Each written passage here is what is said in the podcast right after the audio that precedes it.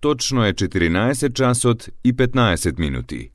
Ја следите програмата на македонски јазик на јавната медиумска установа Радио Телевизија Војводина, трета програма. Емисија Македониум.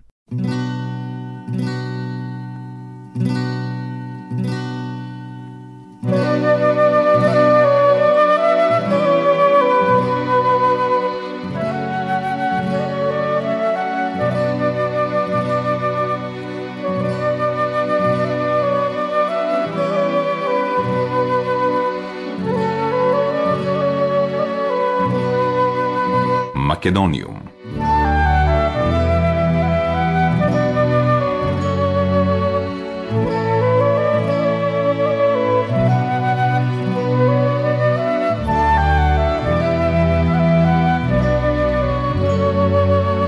Добар ден и добре дојдовте во најновото издание на емисијата Македониум. Почитувани слушатели, со вас е вашиот уредник и водител Јулијана Милутиновиќ, секоја среда со почеток во 14 часот и 15 минути на фреквенцијата на третата програма на радиото при Радио Телевизија Војводина. Добре дојдовте во првото летно издание за ова лето, во кое ќе ја представиме планината Кораб.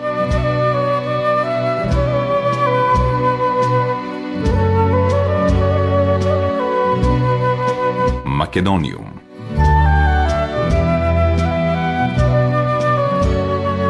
Корабе е планина во Западна Македонија на границата со Албанија. Потребно е само да се фрли поглед на планинскиот масив Кораб за да се почувствува предизвик да се искачи и да се скроти неговата грандиозна крепост. На неа се наоѓа највисокиот врв во Македонија, Врвот Голем кораб со висина од 2764 метри надморска височина. Искачувањето по овој или другите врвови представува неповторлива авантура, при што човек има чувство дека може да го допре небото. Кораб е планинска верига која се протега на правец југ-север.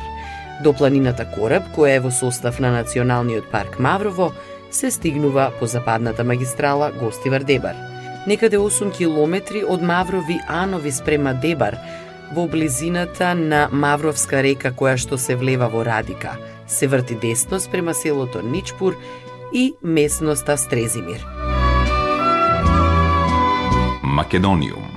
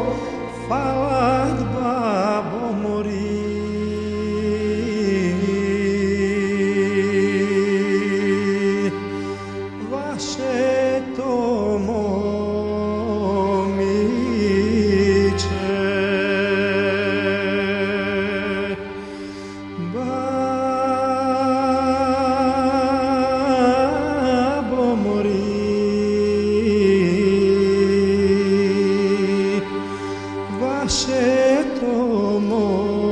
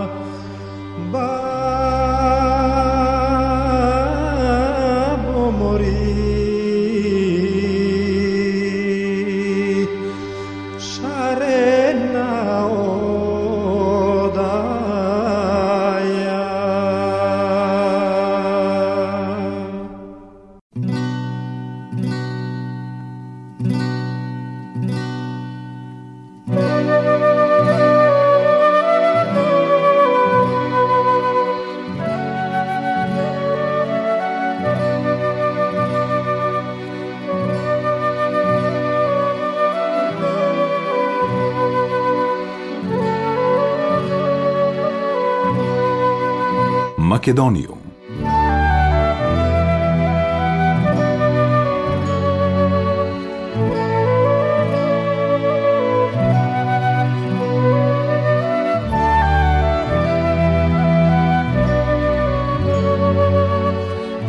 Традиционалното меѓународно искачување на голем кораб се одржува на почетокот на септември секоја година, по повод 8 септември, денот на независноста на Македонија.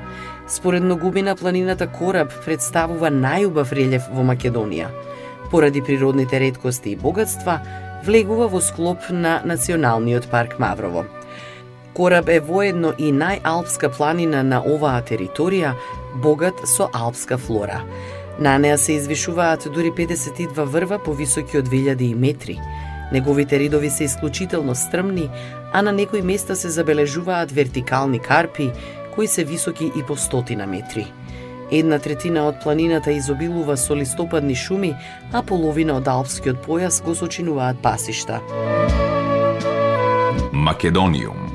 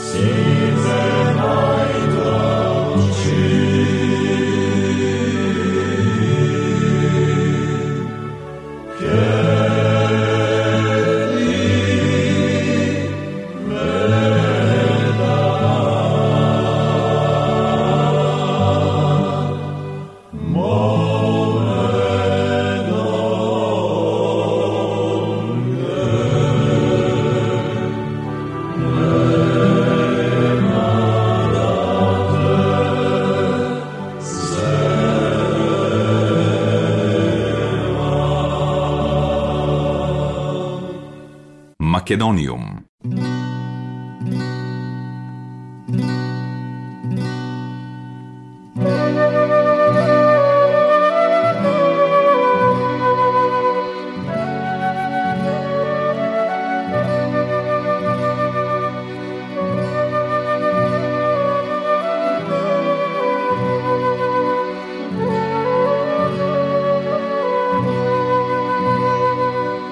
Општа карактеристика за масивот на кораб е богатството на површински водотеци, реки и потоци кои по напуштањето на планинското подрачје се влеваат во Радика и Црндрим.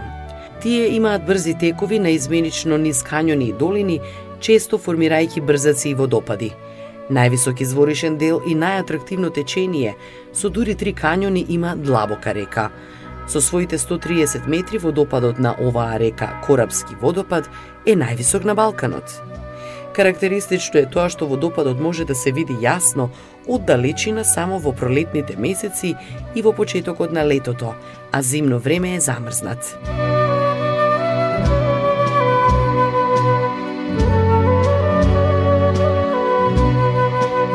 Македониум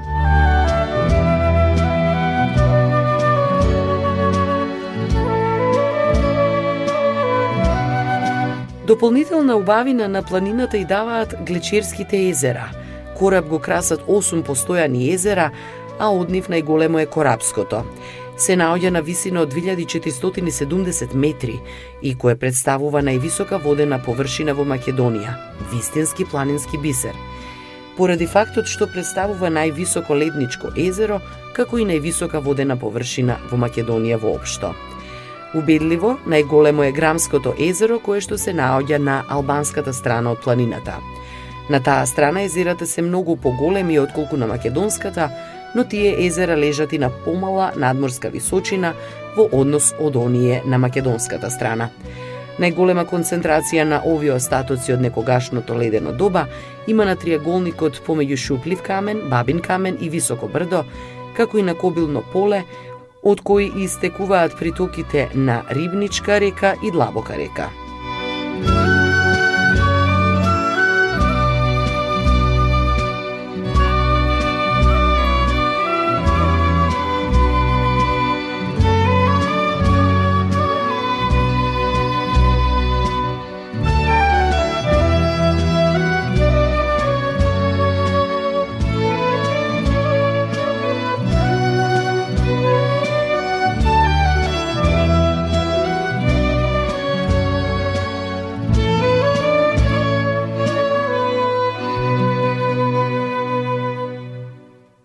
Македониум.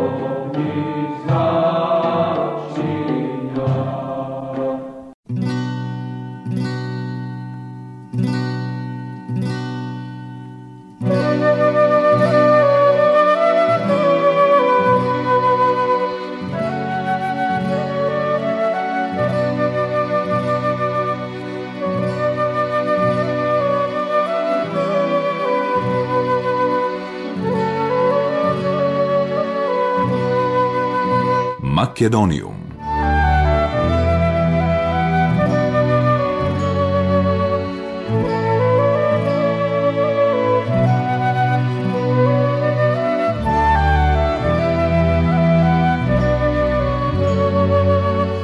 Незаменливо е чувството што и покрај напорот и заморот кој се чувствува секој миг искористен да се земе здив на оваа планина е бесценет.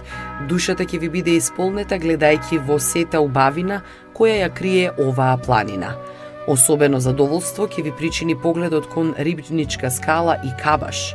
Се наоѓаат од левата страна и се досега голем предизвик и залак, особено за оние поавантуристички настроените и екстремните планинари но кога веќе поминувате тука повеќе од пола пат напорно пешачење, ќе го здогледате врвот на помалку 40 на минути, кој е вистински рај за очи и душа, а кога ќе стапнете со двете нозе горе, се чувствувате семоќно.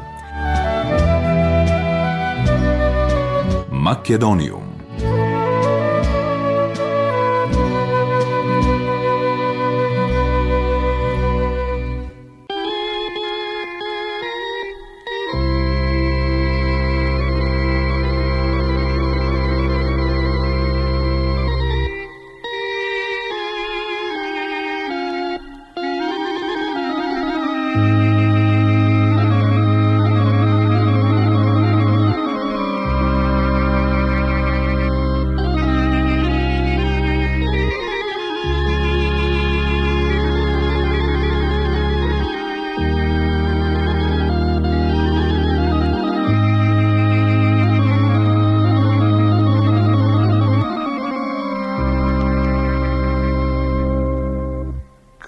quasi quasi libere stanno.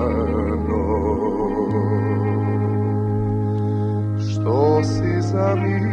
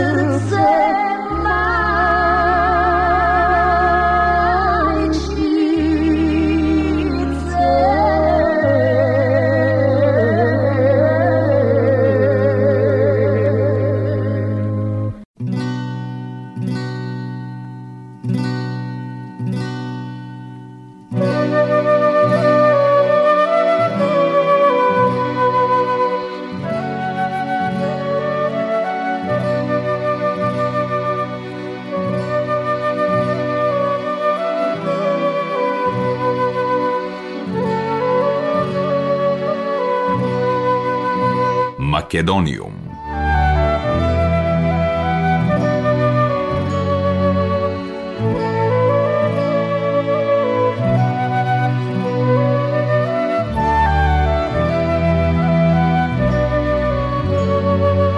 Почитувани слушатели, тоа беше се во денешното издание на емисијата Македониум. До следната среда во исто време, срдечен и голем поздрав од вашиот уредник и водител Јулијана Милутиновиќ. Ја следевте програмата на македонски јазик, емисија Македониум. Главен и одговорен уредник Воин Поповиќ.